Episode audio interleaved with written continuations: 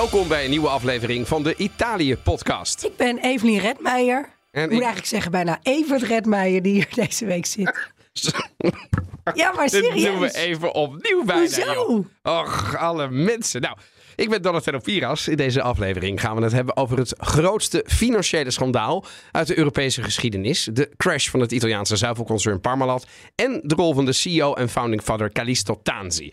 Wat ging er mis nu 20 jaar geleden, waardoor veel kleine spaarders en melkboeren al hun geld kwijtraakten en het grootste zuivelbedrijf van Italië omviel? We vertalen het allemaal.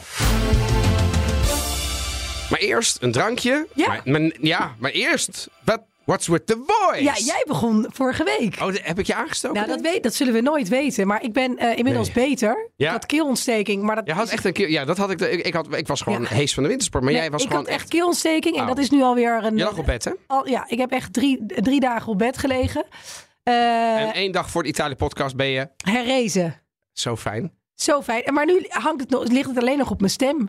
Ja, het ja. is een beetje. Het Het is, is niet ideaal. Dus ik heb, ik nee, heb maar het is, ook, het, is, het is ook niet ondoenlijk. Want anders hadden we het niet gedaan. Nee, nee, het is niet ondoenlijk en het doet ook niet meer zo heel erg veel pijn. Maar ik was bijvoorbeeld gisteren niet in staat eh, om, eh, om het voor te bereiden. Nee, want we hadden eigenlijk gezegd: we gaan er gewoon drie doen. Ja. En daarvan heb jij gezegd: nou, Nou, nee. Als ik hier enigszins eh, ja, zonder kleerscheuren, niet met, niet met al te veel kleerscheuren uitkom. Maar eh, dat. eh, en jij bent er weer helemaal. ehm, Ik ben er weer. Nou ja, helemaal. Nee. Ik, ik ben nog steeds. ben je aan het werk? Als je- Weer helemaal? Zeker, zeker. Ja, dat moet ook wel hè, als zelfstandig ondernemer. Ja. Eh, nee, dat, dat ben ik zeker. En ik ben ehm, eh, ook qua gezondheid op zich wel oké. Af en toe, als ik heel hard moet lachen, dan, dan klink ik toch nog wel als een rochelende oude man. Dus probeer dat te vermijden. Nou ja, ik heb nu die rol van jou overgenomen. Ja, dat denk je. Ik- ja, laten, ja, dus- we, dus laten we excuses de voor- keel smeren. Want Ja, ik heb iets meegenomen voor jou. Ook voor mij een beetje. Ja, Misschien ruik je het niet eens. Het is ook niet echt om te ik ruik ruiken. het, ik ruik het. Oh wel. Ja. Het is een Lambrusco. Ja. Ik dacht, we gaan naar Parma, we gaan naar Emilia-Romagna. Ja. Bekend vanwege de Lambrusco, meest verkochte wijn in Italië. Maar Is dat ook familie. meest- is ja, dat de meest- ja, ja, toch nog altijd. Maar natuurlijk heel berucht. Want het heeft een hele slechte naam nog altijd. Hè? Maar ik vind het zo ongelooflijk lekker. Het is, Lambrusco? Kijk, ja, dit is echt een, een goede Lambrusco. En- Maar er zijn in Nederland, kun je het niet zo heel vaak vinden, goede Lambrusco's. Het heeft ook nog een soort jaren negentig, eh, toch een beetje in de, in de categorie zoete witte wijn. Nou. Ik, eh, en, da- en dat is precies de reden waar we allemaal tegen vechten. Al die eh, wijnimporteurs ook. Ik weet dat Vino Vetro, waar ik vaak bestel, die heeft er een eh, van Cantina della, Vol- della, della Volta. Echt een zo'n cult wijnmaker, fantastische Lambrusco. Dit is van Enoteca Sprezzatura. Die Ja. ook een webshop hebben. Dus ook al luister je in Enschede of in, in, in, in, in, in Groenlo. Kunt hem gewoon bestellen. Gocce di Cristallo heet het. Het is een Lambrusco. Eh Graspa Rossa di Castelvetro Ja. van Tenuta Perservan. Zo, hallo, gaat het? En het is toch ook zo, Lambrusco wijn is altijd net iets, iets lichter dan gewone wijn. Mag ik dat nog één keer overdoen? Zeker. Van Tenuta Pederzana. En dat komt uit de provincie van Modena. En dat is natuurlijk eh, ja, heel erg Emilia, eh Emilia Romagna. En het is best wel 11% Ik dacht, het is in de middag. We nemen in de middag op. We moeten hier natuurlijk geen, geen harde knijters tegenaan gooien. Dat moeten we niet doen. Wat vind je ervan? Ik bedoel, Ik ben hier, je, je, je reukorgaan is niet aangetast hè, door deze heftige luchtweg eh, aandoening. Maar ik ben wel een beetje aan het dobbelen. Maar ik, ja, dit is heel lekker. Ik vind hem heel zacht. Hij is eigenlijk, het, je- je- som, ja, als je eh, weinig van wijn zou weten, zou je ook kunnen zeggen, oh, een beetje limonade. Nee, maar, dit is- Maar hij, heeft wat zoetje. Nou, dat vind ik wel lekker. En eh, we, we eten er een kaarsje bij, want ik ben Ja. even naar eh, de Italiaanse supermarkt geweest, vlak voor de show. ik wil daar ook weer eens eventjes aankomen rijden en eh, een kofferbak volladen. Maar dat, nee, hartstikke lekker. Dus, en wij moeten nog heel eventjes noemen dat wij volgende week Oh maandag... ja, ja, dat is de 20, 20 maart. zijn wij te gast op de Universiteit Utrecht bij de faculteit Italiaans. En Oh, we zijn op uitnodiging van ehm USVFEI Etna. De de, Utrechtse studievereniging Italiaans. En eh, wij beginnen daar om kwart over drie. ehm, nou ja, een, een live podcast of een op- podcastopname, niet live. Maar een opname en die gaat over studeren in Italië, Italiaanse studententijd. Wat zijn de verschillen met Nederland? En dat is met studenten. En daar kunnen studenten ook bij zijn. De enige eis die er is dat je moet studeren. En dat er een link moet zijn met Italië. wij. Wij mogen komen zonder dat we studeren. Nee, wij zijn, Ja, wij, wij- mogen, wij- zijn, ja. wij zijn erop uitgezonden. Mensen die het interessant vinden, ik heb al wat mensen erover gesproken eh, via eh, ons onze Gmail en onze Instagram. Maar als eh, mensen zich nu nog willen aanmelden, je hoeft niet Italiaans te studeren, maar je moet wel een link daarmee hebben. Bijvoorbeeld lessen Italiaans hebben of dat je in Italië hebt gestudeerd. Maar moet je student, universiteitsstudent, maar dat maakt nee, niet maakt uit. niet uit. Nee, maakt nee, niet precies. Uit. Maakt niet uit. Maar, als je jij moet iets wel ja. Iets met de Italiaanse studie of de taal of de cultuur. Ja, of... Maar er zijn natuurlijk ook mensen die in Italië hebben gestudeerd Precies. met een andere studie, of die dat voornemens zijn. Ja. Maar dan kun je, als je daarheen wil, eh, begint om kwart over drie, dus op maandag in Utrecht. En je kunt een mailtje sturen om je aan te melden naar usvi.etna-apenstaartje gmail.com. Oké, en eh, is er daarna dan nog een eh, Italiaanse rinfresco? Of vraag ik nou Weet ik niet, Weet eens eigenlijk moeten vragen. Ik hoop dat wij een beetje gefeteerd Sì, worden. maar dan, dai. eh, un vinello. En wij komen daar zelf Of moeten wij techniek wijn meenemen? Ik weet het niet. Ik weet niet, we gaan even over we gaan even, dat moeten we nog even Wij hechten. moeten, wij moeten dan geval de techniek meenemen. Dus als mensen even willen lachen hoe Don en Evelien eh, daar eh, de techniek Oh, dan aanleggen. kun- Ach, joh, ik bedoel, jij bent, ik bedoel, je, je, bent, je bent zoals een oorlogsverslaggever. Oh ja, nou goed. Ik bedoel, als je daar kan, dan kunnen we het op een Ja. universiteit toch wel met een paar microfoons. Ja, ik hoop gewoon wel echt, waar ik het meest op hoop, mooie anekdotes van, ja, uit de zaal. Van studenten die dus Ita In Italië of Italiaans Ja. studeren Ja, en dan daar die daar dus geweest. gezegd van goh, wat, wat ze opviel en zo. Dus ik hoop, nou ja, voel je vooral geroepen. En gaan nog even kijken hoe we dat vorm gaan geven. En eh, die aflevering komt dan anderhalve week later eh, in alle podcast-apps. Anderhalve week later. Ja, denk ik, ja. Oh, niet meteen die, Nee, diezelfde nee, week. nee, nee, nee. oh, dat is wel goed dat je het Ja, zegt. Ja, ja, natuurlijk. ja, ja. Goed, eh, jij hebt ook nieuws meegenomen over een andere podcast. En we gaan eerst even luisteren. La parola che mi viene è che sembra ieri. Papam.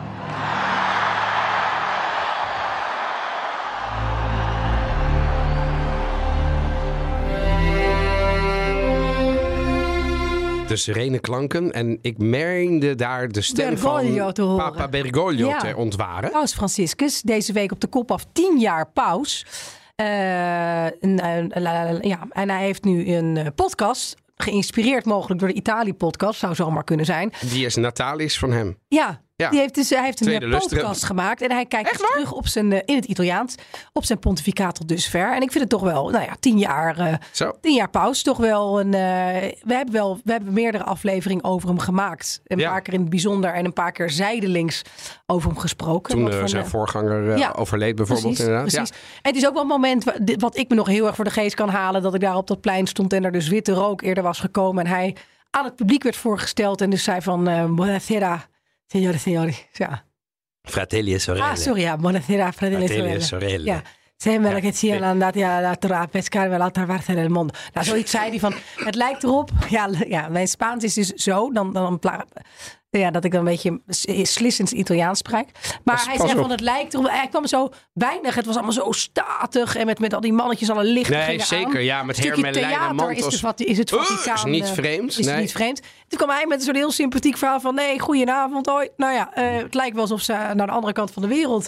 het einde van de wereld zijn gegaan om, het, eh, om de nieuwe paus te vinden. Maar nou ja, ik ben het dus en eh, help een beetje mee. Ja, bid voor Bid mij. voor mij, want ik kan het Doet niet hij nog alleen. steeds? Ik kan het niet alleen. Goed, voor mensen die Italiaans... eh, ik vond het interessant dat hij nu eh, eh, ja, uiteraard geproduceerd door... Ik wil net zeggen, hè, dit- Vaticaan. verwacht niet een, een mega Die- nee. in-depth, journalistic, Nee. critical. Dit is Nee, gewoon het- een, een, een, waarschijnlijk een, mag ik zeggen, een podcast om zijn pauschap te vieren. Zeker, zo kun je het beste zien. Maar het is wel, het Vaticaan heeft qua eh, media en communicatie een ongelooflijk professionele afdeling.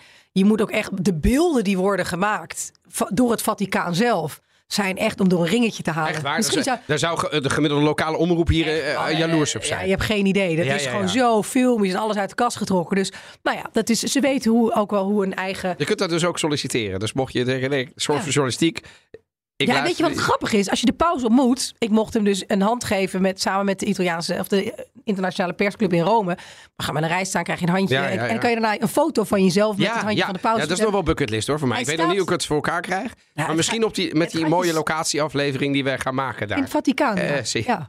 Maar ik had hem dus, eh, hij staat op, op mijn Instagram. Ik heb daar a- op de achtergrond iemand zwart gemaakt. Omdat het een beetje zo leuker. Oh, want? Nou ja, ook vond dat er zo rommelig iemand op de. Oh, ik dacht Dus als je dat goed kijkt, zie die, je die persoon eh, is even persoon non grata geworden. Absoluut niet. Nee, oké. Maar het grappige is dat het Vaticaan zo werkt dat als je hem in een la- ze vragen er flink geld voor om die al foto te kunnen Oh, downloaden. echt waar? Oh. En als je hem in een soort korrelige resolutie wil, dan betaal je 15 euro. En als je hem gewoon iets... HD wil, Ja, ja, ja, dan is het... Ja, mag je echt, eh, mag je echt even je, je beurs trekken. Nou ja, weet je, zoals ook bijvoorbeeld Ja. een van de oerconservatieve eh, Opus Dei-stichtingen zeggen. Ja, Sommigen zeggen, en dat is eigenlijk Bergoglio, die is meer van de povertà, van de armoede. Van Ja. je, je moet weinig hebben.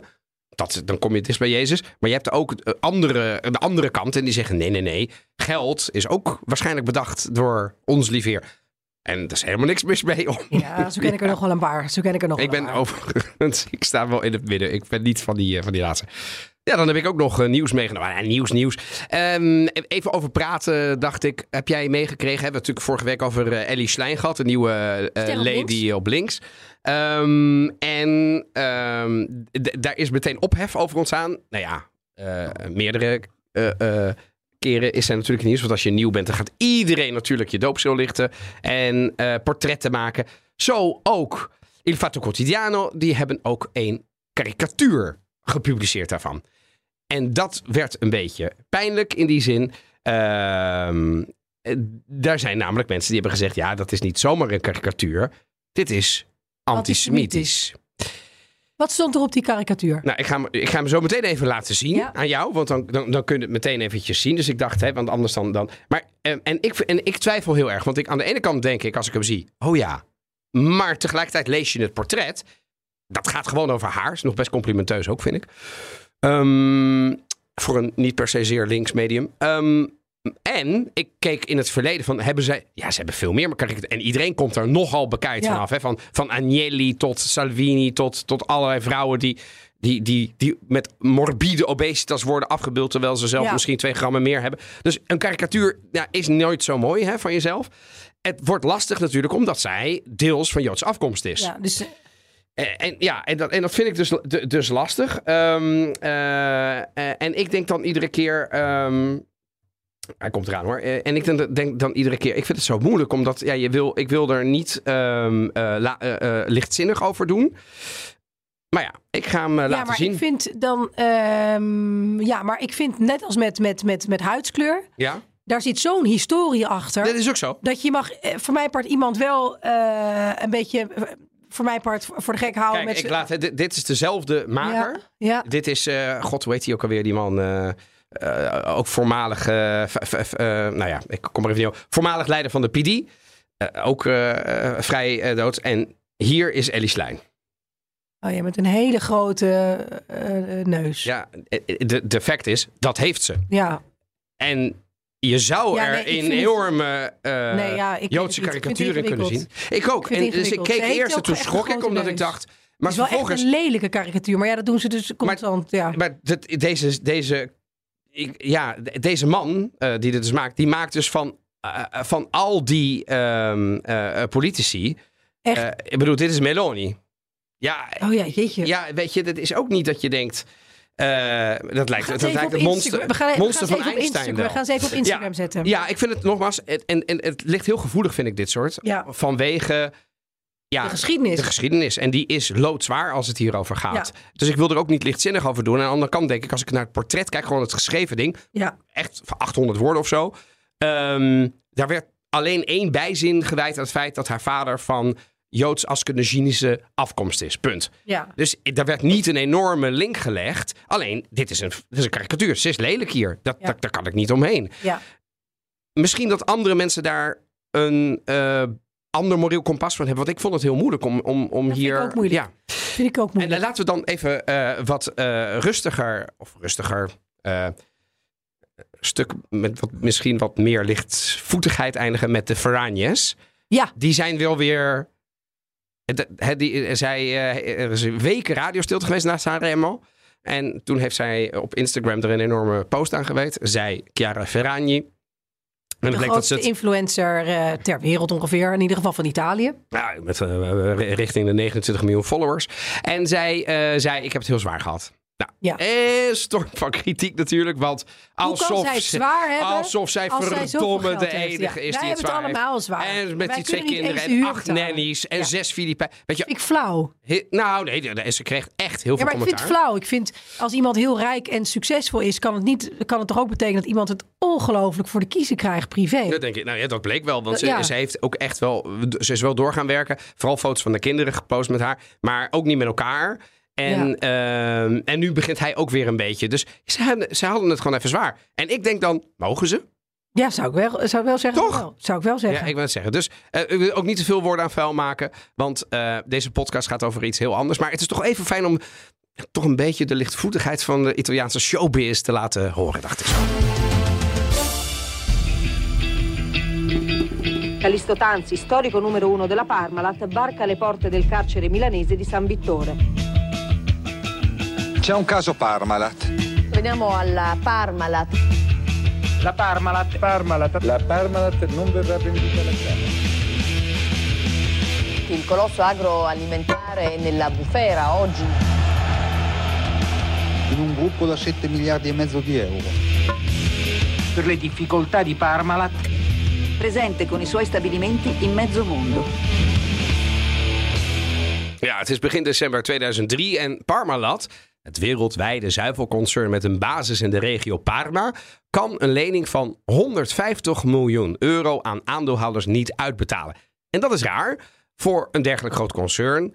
En het blijkt het begin van het einde voor het trotse bedrijf van melk, zuivel en andere drankjes. En ook voor de voetbalclub zou het moeilijk worden. En de charismatische en geliefde oprichter, CEO Callisto Tanzi, die, die zou het hardste vallen. En daar gaan we ook even mee beginnen.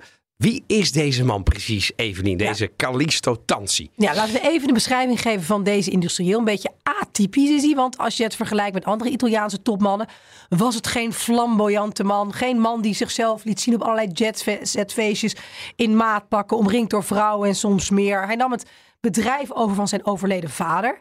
En hij was geboren in Collecchio, een klein stadje op een steenwoord afstand van Parma, waar hij later zijn imperium opbouwde. En op 17 november 1938 was dat. Hij is afgestudeerd in boekhouding. Hij onderbrak zijn universitaire studie toen zijn vader stierf om hem te vervangen in het familiebedrijf. En toen was het nog een bedrijf, je mag ik wel zeggen, in vleeswaren en conserven. Oh ja. Toen hij de leiding van dat kleine bedrijfje van zijn grootvader overnam, was hij, mind you, 22 jaar oud. Piepjong. Ja, in korte tijd transformeerde hij dat bedrijfje tot een multinational met meer dan 130 fabrieken wereldwijd. Tja, ja. Ongelooflijk. Ja. Ja, en, en ehm eh, Parmalat, ik denk dan, iedereen kent wel, ehm, als je gewoond, gewerkt of als je in Italië vaak geweest bent op vakantie, dan ken je het bedrijf toch? En ik, heb, ik, ik dacht, eh, als ik dan toch langs de Italiaanse supermarkt ga, eh, dan neem ik eventjes mee de Parmalat, letterlijk de melk. Ja, weet je wat? Ik, ik zat eraan te denken. Wij gingen dus toen ik eh, denk tot mijn achtste, tot mijn elfde ben ik in Italië met vakantie geweest met mijn ouders en mijn broertje. En wij vonden de melk altijd zo anders smaken dan in Nederland. Dus Ja, ik snap dat wel is natuurlijk ook ja, zo. Wat, hoe komt dat? Want die koeien andere dingen heen. Ja, nee, maar wat dan? Waar komt dat dan door? Het is een koe is toch een koe? Mooi is die alleen maar. mooi. Nee, ik weet, nee, Nee. ja, maar, dat- nee, maar wacht even. Dat is wat anders natuurlijk. Want ik, ik denk zeker in die tijd. We hebben eigenlijk een ander regionaal accent gebruikt hier in de podcast. Nog geen Brabander kan ons nu nog eh, voor het, eh het, feit dat wij, morele het gerecht... feit dat we daar zo blij mee zijn, Ja, dat betekent zegt ook wel. zegt ook alles. Ja. goed. Ja, Oetzoch. Maar Nee, eh, Nee, toch? ja, jawel, ja, maar ga, eh, ga, eh, pas op, we hebben heel veel. Ja, Mijn en we vader komt uit hebben Ik mag dat dan niet Ja, doen, ja, wacht, ik mag dat. En mijn schoonouders komen uit de achterhoek. Oh, nee toch? Ja, dat is een accent wat ik niet na kan doen. Oh, nee toch? maar ik weet dat we daar heel veel luisteraars hebben. Dus dan moeten we. Ja, dat is, dat is, dat is wel tukkers. Donatello. Heel veel luisteraars uit Enschede, Hengelo, Achterhoek. dus we moeten heel erg hè, op onze... Dan hebben ze ook gewoon telefoons. Jawel, maar daar klimmen ze in, hè? Nee, dat, grapje. ze trekken ons door het, door het draadje heen. Nou goed, terug naar Parmalat. Die, dat de melk anders smaakt. Ja, dat vind ik overigens in, in veel buitenlanden zo. Ja. Eh, maar in Italië zeker. Ehm, overigens, ehm, eh, als je kijkt naar de Italiaanse ehm, eh, verpakkingen. Ik dacht, ik ga er eens even naar kijken nu. Hè. Ik heb zo'n fles Parmalat nu vast. Daar staat dus op origine de latte. Dat moeten we er tegenwoordig opzetten. Is Italia. Nou, godzijdank. Parmalat la la la la. Via delle Nazioni Unite. Collecchio. Dus het, Oh ja, er nog steeds op het komt er nog steeds vandaan. Jongens, Heel gezellig. Ja, dat is fantastisch. Dus, wat en eh, dit vind ik, voor mij is dit wel een van de meest bekende producten. Heb ik altijd wel ergens in, in een plank nog wel zo'n zo'n doosje van over. Namelijk chef. Staat er dan altijd op, want dat is zeg maar die room. Ja, die, maar die, Die is kookroom. dikker. Die is wat dikker. Waarom, waarom lukt dat niet in Nederland? Omdat wij gewoon van die hele dunne verse hebben. En dit is natuurlijk eeuwig houdbaar. En Weet je welke ook best lekker is? Beetje, beetje, ken je dat vies lekker? Gewoon dat het eigenlijk... ja, ja, die- ja, ja, ja, sorry, die- die guilty zalm- pleasure. Ja, met zalm Ah! smaak. Ja, je hebt hem, ja, ja, vind, nee, vind ik lekker. Ja, ja, toch? Ja, ja, niet op alles, maar als je iets met Sissi. vis doet, sissi. Ja, en eh, nee, dus ik, ik, ik, ik herken het helemaal. Eh, chef uh, Cremosa, ook allemaal van Parmalat. Ehm, nou, die Anyways. Calisto Tansi, we gaan even een paar zaken vertellen die hem kent, schatsen. Want langs zijn verhaal vertellen we uiteindelijk ook het verhaal van Parmalat. Want die crash is zo ongelooflijk groot en zo ongelooflijk breed. Ehm, anders wordt het een beetje te gortig, denk ik, voor de gemiddelde luisteraar. En er zijn ook, zoals bijvoorbeeld bij die Lode Jaren, boeken, documentaires in Ja. het Engels, in het Italiaans. Dus Ja. eh, google jezelf maar helemaal suf. Maar de komende half uur vertellen wij je gewoon een leuke samenvatting. Nou, die, eh, die Callisto Tansi, eh, waar jij het ook over had, is een harde werker, katholiek. Ehm, en hij wordt ook geridderd tot twee keer toe. Eén keer Cavaliere del Lavoro, 1984. En in 1999 nog een keer. En toen werd hij Cavaliere di Gran Croce, dus van het Groot Kruis. Beide ridderorden worden hem overigens in 2010 afgenomen door de toenmalige president Napolitano. Wegens onwaardigheid. Dat is niet zo leuk.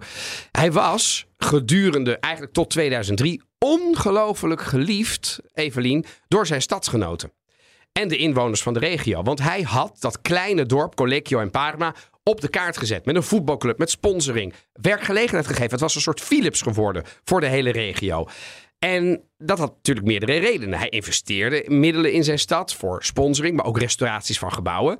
Hij schurkte op een gegeven moment ook tegen de politiek aan en niet zo zuinig ook. Niet om zelf te participeren, maar hij onderhield zeer nauwe contacten met de Christen-Democraten, die toen op het hoogtepunt van hun macht zaten De, in echte, Italië. de echte machtspartij. Echte eh, machtspartij. ja. Dus eigenlijk, je kunt het vergelijken denk ik, met het CDA. maar In de jaren, in de jaren 80 en 90. Ja, Ja. tot te val eigenlijk, Ja. zeker. Ja, en dus, dus heel handig om daar dan vriendjes te hebben. Hij was bevriend met, toen, met, met eh Ciriaco eh, De Mita. En dat was de leider van de Christen-Democraten. Echt een heel machtig politicus. En hij was het, deze politicus, die de zakenman Tansi ertoe aanzette om fabrieken, let op, in het geboortedorp van die politicus te openen. Dat is in het uiterste zuiden van Italië. Op 40 kilometer van de afrit van de snelweg. Lekker handig als je vrachtwagens heen en weer hebt.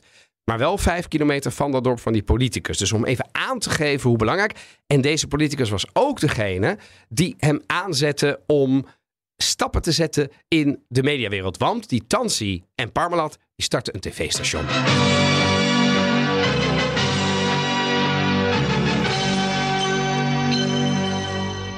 Ja. Televisione. Waarom start je in een tv-station Ja, als je al zo'n groot bedrijf hebt? Dat was om meerdere redenen. Ten eerste vroeg de Miet uit. En het lijkt wel alsof hij de enige man is waar Tansi geen nee tegen kon zeggen. En daarnaast dacht hij dat het ook een zakelijk vliegveld zou zijn. En er was een inhoudelijke reden. Ta- Tansi is een man van norm en waarde. En walgde van de commerciële televisie in die jaren. En, nou ja, goed. eh, we weten precies wat we, wat, wat, wat, hoe walgelijk commerciële televisie in Italië Kon zijn. kon zijn. Ja, nou ja, hij- eh, die, die, die Tansi die heeft ook, eh, ook een prachtige podcast hierover geluisterd in het Italiaans. En er is een, een, een, een anekdote dat hij een ongelooflijk hekel had aan Amerikaanse soaps. En dan met name aan, eh, hoe heette die grote... De, Beautiful? nee, Dallas. Dallas de, hè, dus Oh ja. de, de, en ehm, waarom? Omdat hij dat... Hij vond het eigenlijk amoreel, onverantwoord. En hij wilde een eigen soapserie eh, in, de, in de markt zetten. En ik heb ook eens teruggekeken of ik dat terug kon vinden. En dat kan, Maar is dat gelukkig. Luci del Solo of zo die al duizend jaar draait? Ja, nou ja, het is een hele. Nee, volgens mij bestaat hij ook niet meer. Oh. Want het is Lekker de- braaf. Niet maar- al- ja, heel braaf. Er is toch geen bal aan een brave soapserie? Er moet af en toe een beetje juice in zitten, toch? Ja, dat is de soap. moet wel, als niemand vreemd gaat en niemand elkaar bedondert, dan, ja, Ja. dan zitten we dan naar te Maar kijken. dat snapte die Tansi niet echt. Hè? Dat bedrijf, Tansi, heeft er Tansi, uiteindelijk heel veel geld in gezet. Maar die, die, eh, ik heb nog even teruggekeken. eh, wat kocht hij dan aan?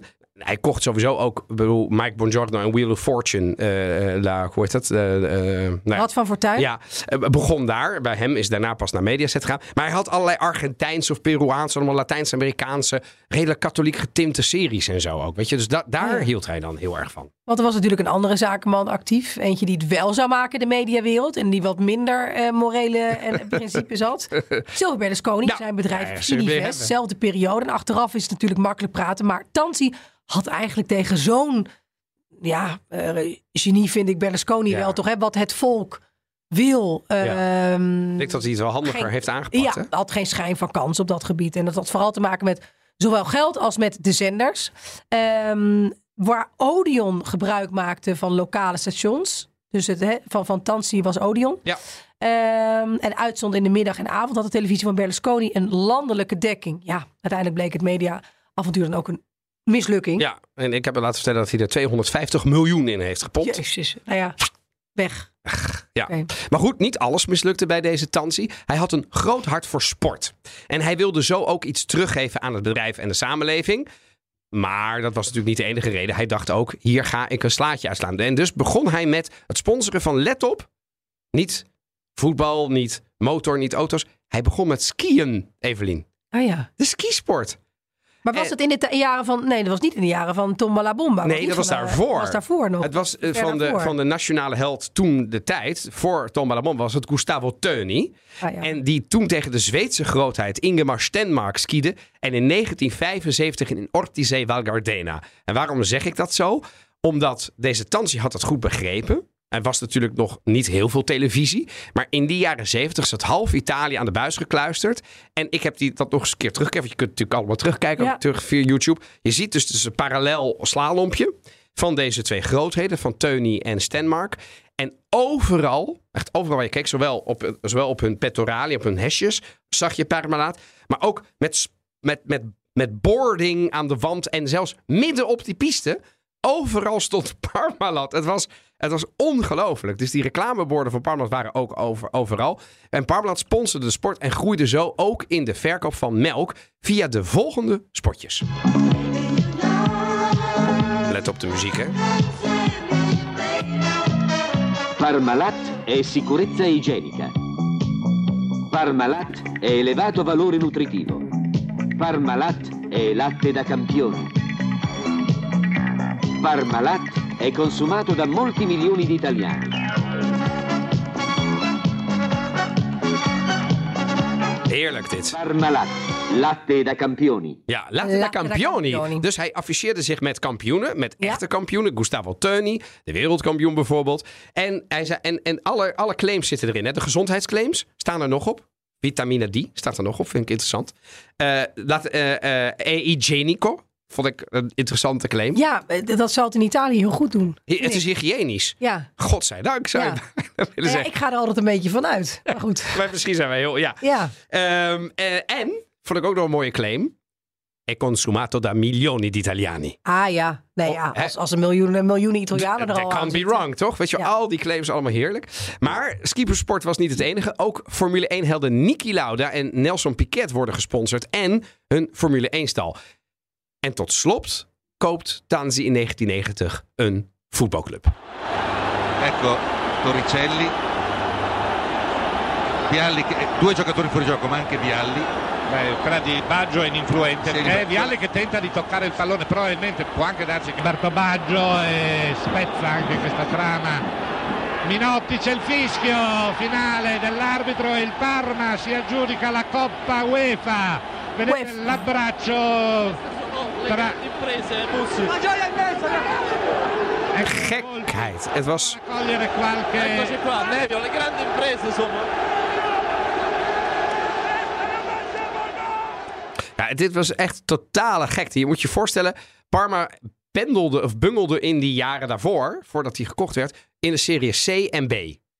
Dus eh, ja, dat was niet een topclub in Italië. Ongelooflijk. En vervolgens word je gekocht. En werd het toch een ongelooflijk succes. Ik heb nog even. eh, eh, ik kreeg nog een. een, een, eh, toen wij het aankondigden, nog een attente mail van onze vaste luisteraar. En vooral de eminence Gries van de voetbalsport. Hij schreef zelf. Julian van mensen. Ju- Jurgen van Vessem. 13 januari 2004. Ik heb het er even op nageslagen. Oh ja. Heeft hij zelf voor NRC een artikel erover geschreven. Met de kop Parmalat sleept voetbalclubs mee in zijn val. En een beetje op zijn Juriaans. Dit is natuurlijk heel verhalend. Dus hij Ja. begint met Risto Stoichkov, een, een, een, een, een, een eh, goede en beroemde topvoetballer. Keek verbaasd om zich heen toen hij zich in de zomer van 1995 voor zijn eerste training bij Parma meldde. Hij stond bij een hek in een stadspark en dacht dat hij naar een verkeerde plek was gestuurd. De Bulgaarse sterspeler was door Parmalat weggeplukt bij Barcelona voor een recordbedrag van 25 miljoen dollar. Maar hij ging spelen bij een club die in drie seizoenen evenveel Europese hoofdprijzen had gevonden. Parma had zijn naam gevestigd in het internationale voetbal. Maar de spelers werkten aan hun conditie te midden van fietsende scholieren en moeders met spelende kinderen. Nou, zo begint het artikel, wat een briljant begin is. Ja. Eh, en zo vertelt Jurgen toen de tijd het verhaal, eigenlijk de val van, eh, van, van Parma. Want Parma, Maar hij heeft bizar veel gewonnen. ja, echt, echt ongelooflijk veel. Eh, ook dat heb ik even na moeten zoeken, want ja, anders de- konden, konden we het natuurlijk onmogelijk opnoemen. Let op, drie Italiaanse bekers, een Italiaanse Supercup, vier internationale titels, namelijk een Europa Cup 1, twee UEFA Cups en een UEFA Supercup. De enige trofee die ontsnapte, de Scudetto, oftewel de landstitel. Na Milan, Juve en Inter is Parma de vierde Italiaanse club en in Europa is het de zestiende in het algemeen klassement van gewonnen UEFA-competities. Ongelooflijk. Met een club die is dus normaal alleen tussen de Serie B en C bungelde. In 1990 koop je zo'n club. En dan... Pomp je er geld in? Maar bijvoorbeeld Buffon heeft er gevoetbald. Eh eh Brolin, eh Dino Baggio. Ik kan ze... Oh, ja. Het zijn ongelooflijk veel spelers die daar hebben. Echt topvoetballers. En moet je je voorstellen wat dat heeft gedaan met de inwoners van die stad. Die werden jaar op jaar trotser op Parma. Ja, en het is natuurlijk nou ja, de politieke banden, internationale expansie, media-ambities. Niet helemaal succes en wel heel, heel grote sportieve successen. Never a dull moment in het leven van deze Tansi. Intussen gaat het zakelijk, lijkt het voor de wind. In die jaren worden er recordomzetten gedraaid. In 1990 volgt vervolgens een beursgang. En in de loop van de jaren breidt Tanti zijn imperium gestaag uit. Minestrone komt erbij, water, fruitsappen, yoghurt, koekjes, saus. Het komt allemaal onder de Parma, pa- Parmalat paraplu terecht. Een beetje een soort Unilever wordt Ja, het. bizar. Parallel daarmee verloopt de geografische expansie. Brazilië, de VS, Australië, Hongarije, Frankrijk.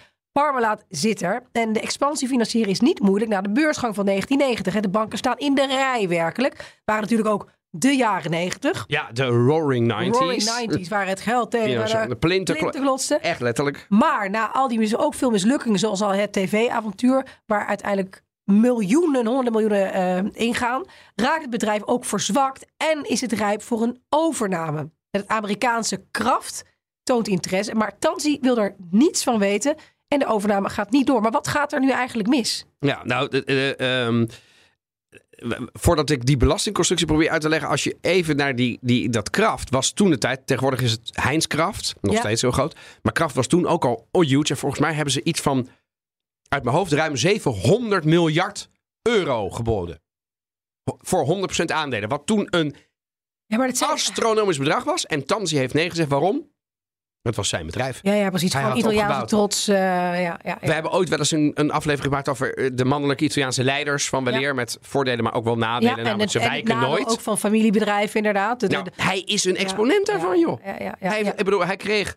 Ik denk dat hij nooit zoveel wit geld, zeg ik er nu maar even bij, ja. legaal als kunnen krijgen. Had het in één klap. Had Was hij, echt de eer te naam aan die platte Amerikanen. Ongelooflijk, hè? ja, ja, hij ging dat gewoon niet doen. En vervolgens gaat het dan toch mis. En laten we nu een beetje ook duiken in wat ging er dan mis. Parmalat richt bedrijven op, zoals bijvoorbeeld, onthoud die naam, Bonlat. En dat doet het in belastingparadijzen, zoals de Nederlandse Antillen, maar later ook de Maagdeneilanden. En hevelt allerlei schulden en verliezen van dat bedrijf over naar die bedrijven, naar Bonlat bijvoorbeeld. Daarna schrijft het valse facturen voor verkopen die nooit hebben plaatsgevonden. De verkopen die zouden plaats hebben gevonden aan bedrijven zoals Bonlat, maar dat is dus eigendom van Parmalat. En dus komt het op de balans terecht als Dus ze echt ko- ver- geld. verkopen dus zieke onderdelen voor zogenaamd heel veel geld. Nou, ja, nou, zijn twee dingen. Dus ze, ze, ze, ze, ze, die, die, die, die, die, die, die verliezen, die boeken ze dus op dat ene bedrijf. En daarnaast hebben ze, schrijven ze ook nog eens, eens valse verkoopfacturen uit. En dat doen ze niet één Ja, keer. ja, ja, ja, ja. Dat doen ze honderden keren. Dus er is, er- ze maken vals geld. ja, ja. Het is, on, is- als je het terugleest, dan val je van de ene verbazing in de andere. Want Parmalat geeft dus geld uit dat in de werkelijkheid niet heeft en nooit heeft gehad. Maar weet je wat ik altijd zo bijzonder vind van dit soort verhalen? Want dit is namelijk, eh, dit, dit, dit snapt nou een kleuter niet. Maar een middelbare school, Ja. scholier snapt dat dit fout is. Want daar is- Zeker. Er is helemaal geen twijfel over. Nee, nee. Ik vind het altijd met nee. zulke grote Nee. multinationals. Dat weet niet één iemand, dat weet niet twee iemand. Dat weten heel veel mensen en ook hun adviseurs. En ik Ja. vind dat toch altijd fascinerend. Hoe iedereen maar gewoon ja, ja, dat, dat, dat, dat, dat in stand houdt. Nou ja, omdat ik... Heb je, dus, dit, dit is geen Joris Luijendijk heeft natuurlijk wel eens een boek geschreven hè, over eh, de, de, de, de city, de city. in Londen. Interessant boek. En eh, wat daar vaak gebeurde is morele ontkoppeling. Hè? Dus je kunt aan de ene kant kun je best een brave huisvader zijn. Ja, En een goede vriend. En, eh, en tegelijkertijd tijdens je, Mooi. tijdens je werk dingen doen die je daglicht niet kunnen verdragen. Waarom? Doordat je het vergoelijkt aan jezelf door bijvoorbeeld dingen als... Ja, maar iedereen doet het.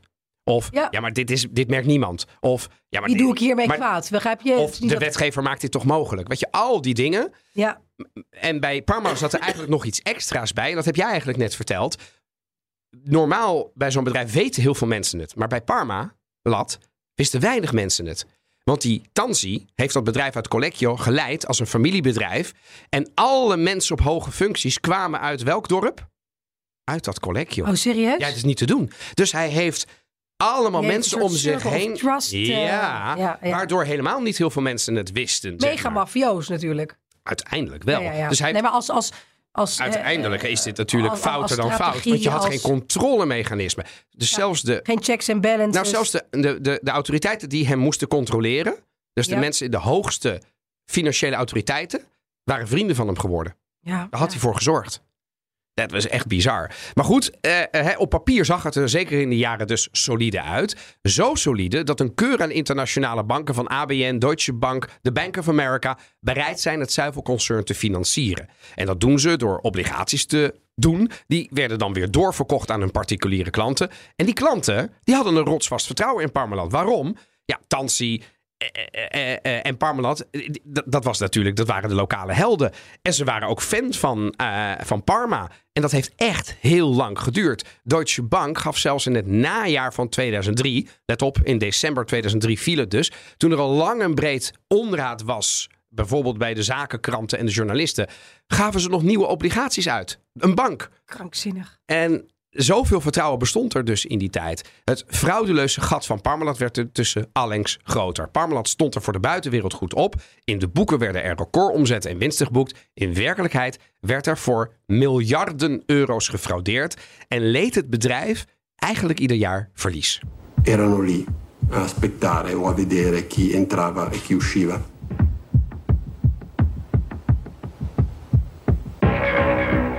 La Parmalat si sarebbe impegnata ieri sera a rimborsare entro il 15 dicembre i 150 milioni di euro di obbligazioni in scadenza. La domanda che tutti si fanno, Procura di Milano in testa, è sempre quella. Come è stato possibile che un'azienda che ha depositati 4 miliardi possa andare al tappeto per soli 150 milioni?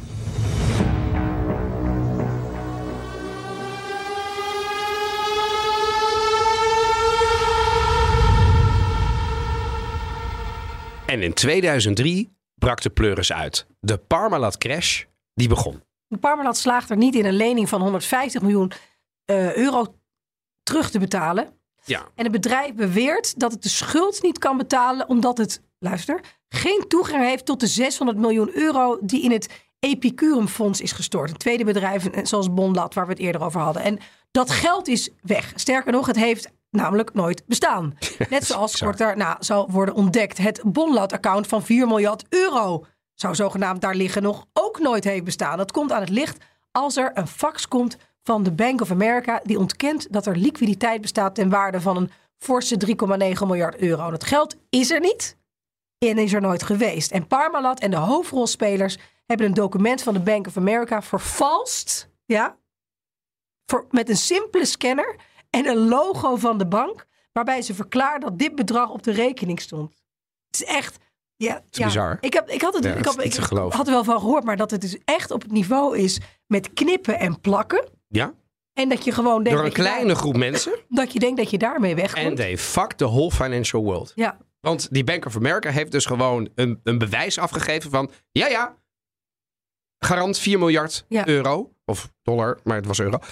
En het bedrag, Evelien, het was niet dat het bedrag misschien in meerdere coupures... of in andere constructies of in andere holdings zat... of misschien belasting. Het bestond niet. Is toch begesopen. maar ik vind het altijd zo, net zoals met eh, andere vrouwen. Op een gegeven moment weet je toch, we gaan tegen de muur lopen. Dit is, nee, ik ben, ik ben oké. We gaan tegen de muur lopen. En, en nou ja, goed, de keiharde valsheid in geschriften dus. Een soort nieuwe stap in het bizarre fraudeverhaal. In het nieuwe stap in het niet eens maar grijs, maar nou volledig criminele manier van bedrijfsvoeren.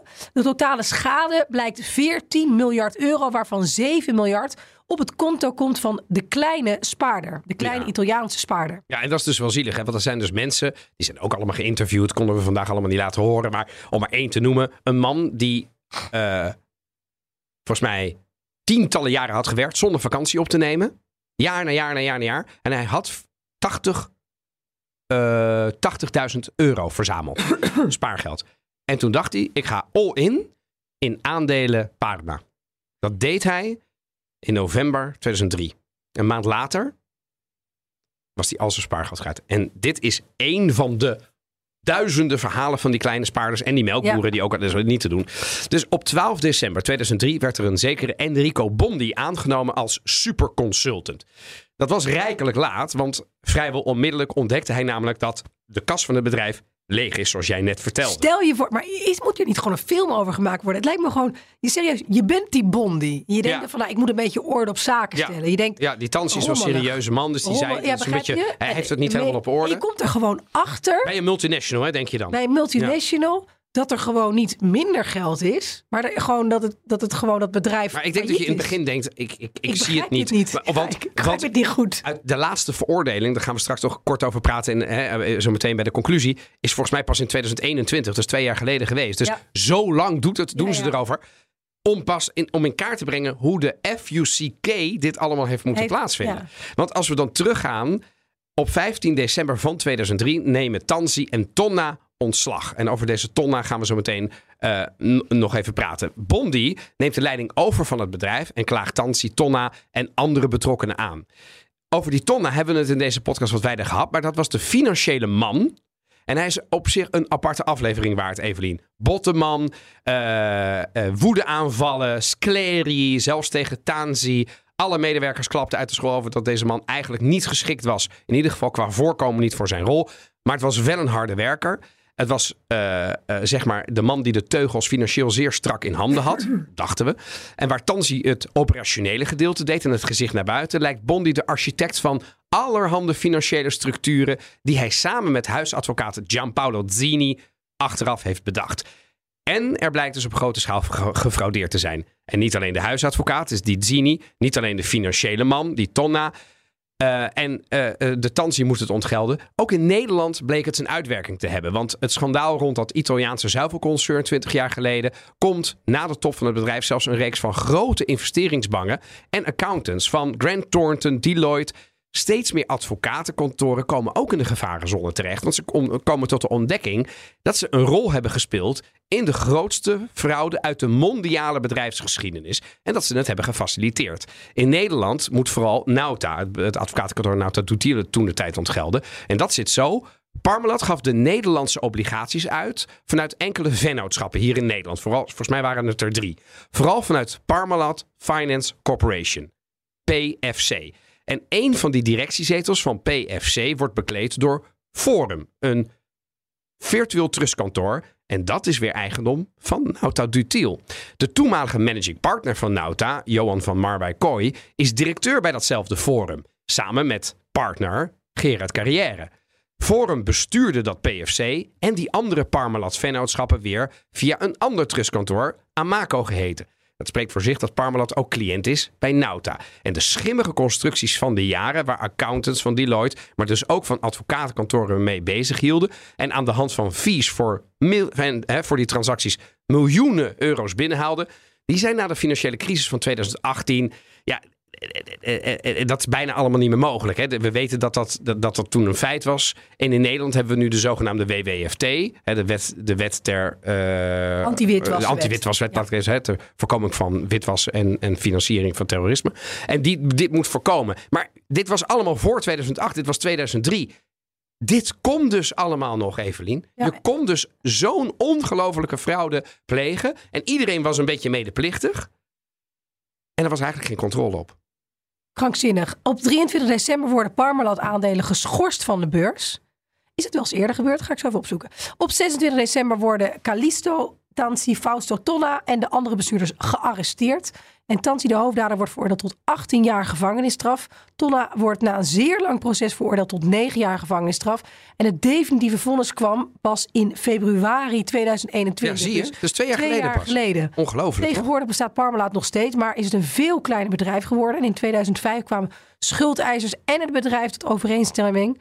Werd het bedrijf naar de beurs gebracht. God, gaan we weer, denk je dan. Maar inmiddels zijn de regels en ook de... Ja. de, de, de- de- iedereen zo, zal, zal Oh, en zeker duizend, bij hun. Ja, precies. Bij Parmalat duizend keer kijken. Overigens zou ik nog niet, niet zo heel snel mijn, mijn pensioen erin storten, als ik eerlijk ben. In 2011 werd Parmalat overgenomen door het Franse Lactalis. Dat vandaag de dag meer dan 90% van het bedrijf in handen heeft. Dus ja, kun je het nog Italiaans noemen? Melk is wel Italiaans. Ja. Ei- de, de centjes gaan naar Frankrijk. Ja. Eh, en Tansi, want die had zich zijn pensioen vast anders voorgesteld. Ja, in december 2008 werd hij veroordeeld door een rechtbank in Milaan. En veroordeeld tot 10 jaar gevangenisstraf wegens fraude. En hij ging beroep tegen het vonnis uiteraard. Maar het Hof van Beroep bevestigde dat, in, dat vonnis in mei 2010. Het Hof van Cassatie bracht het terug tot 8 jaar en een maand. Waarna Tansi op 5 mei 2011 gevangen werd genomen. Dus die heeft het in ieder geval, zoals in Italië gebruikelijk is... nog flink eh, voor zich uit kunnen stellen, deze gevangenisstraf. Nou, er volgde, hij is voor meerdere dingen aangeklaagd, voor meerdere dingen eh, veroordeeld. Maar in totaal is de straf uitgekomen op 17 jaar en 5 maanden gevangenisstraf. Bovenop de verdere straffen die Tansi heeft ondergaan voor de andere gebeurtenissen en de crash. Ja, dat is wel Niet bizar. min. Nee, het is echt een bizar verhaal. En eh, dan hebben we een heleboel dingen nog niet verteld. Hebben. Bijvoorbeeld, er was ook nog een Parma Tour. Parma Tour was het reisbureau van Parmalat. Had hij ook nog. Ja. Wat eigenlijk best wel een florerend bedrijf was. Dat, daar had helemaal nergens last van. Maar het ging mee in de val. Ja. En uiteindelijk werd dat ook, werd dat ook failliet verklaard. Dus hij is in drie verschillende dingen eh, veroordeeld. En uiteindelijk is het laatste gedeelte van zijn leven echt tragisch. Tansi verloor op de dag van die rechterlijke uitspraak... die jij zojuist vertelde, Evelien, zijn broer... en eh, zijn rechterhand Giovanni. Hij stierf van hartproblemen. Zelf werd hij in de maanden na de Parmalat crash ziek. En na zijn arrestatie begon zijn gezondheid hard achteruit te gaan. Waardoor hij gedwongen werd regelmatig zijn toevlucht te nemen tot allerlei medische behandelingen. Half december 2021, tijdens de COVID-pandemie, werd hij gegrepen met een ernstige longinfectie. Opgenomen in het ziekenhuis in Parma. En hij stierf op 1 januari 2022, dus vorig jaar, op 83-jarige leeftijd. Tragisch verhaal. Tragisch, ja. voor hem, voor de spaarders, voor de werknemers. Voor de spaarders. Ja, ik heb met iemand die gewoon heel bewust. Ik bedoel, ik, ik gun niemand eh, een, tragische dood. eh, Maar ik vind het, ja. Nee, ik ben het met je Het eens. is, het, is, Ja. het, is, het is niet een soort eh, verkeerde advisering of zelfoverschatting of een tijd met, en met internetbubbels dat iedereen maar een beetje blufte en meedeed en zo. Begrijp je? Dus het is niet Achteraf is dit natuurlijk gewoon willens en wetens. willens en wetens. En, en, willens en, en, en- wetens. ja, en, en hij is nog niet, niet voor niks veroordeeld. En hij heeft natuurlijk ook arrest die domiciliari gehad. Hè, huisarrest in huisarrest. Italië vanwege gezondheid. Maar ja. Ja. ik vond het wel ik vond het, wel- het, het ongelooflijk tragisch verhaal. Als Ja, je kijkt wel. Wat hoe groot je stond. Echt Ja. op, bovenop de rots Olympus. Daar stond je, Ja. berg Olympus. ja. En hoe hard kun je dan vallen? Ja, maar eigenlijk kun je je afvragen of die Olympusberg wel eigenlijk zo groot was. Dat je gewoon. Het, het, was, het is toch ook iets. Er zit, er zit ontzettend veel zelfoverschatting in. En eh, dat je een bedrijf niet op een gezonde manier kunt laten groeien. En dat je het met allerlei kunstgrepen en. en Maar er zijn dus allerlei handelen. afslagen geweest waarin hij dat wel had gekund. Ja, Een keer was hij overgenomen. Een keer, Ja. weet je, er zijn een heleboel afslagen geweest. ja, ja. Maar hij heeft het dus wel degelijk, wat jij zegt, willens en wetens gedaan. Dus ja, moeten we medelijden hebben. Eh, God hebben zijn ziel na. Je hebt het dan meer met zo'n spaarder van 80.000 euro die ach, pensioen ach, daarin die steekt. heeft nog nooit vakantie gehad, die jongen. Ach, Die, had, ja. die, die zei, ik ga maar door, want dan kan ik, daarna kan ik van mijn pensioen genieten. En hij dacht, als ik die 80.000 nou ineens verdubbel, of misschien wel verdrievoudig, dat was zijn stille droom van die jongen. Ongelooflijk. Nou ja, anyway, eh, dit was het verhaal van, van, eh, van Parmalat. Het bestaat dus nog steeds. Ik ga het, eh, kijken of Luca het lekker vindt. Eh, en wij, wij gaan... eh,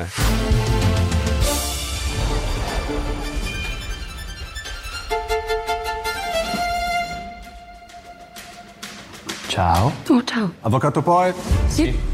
Poet Lidia.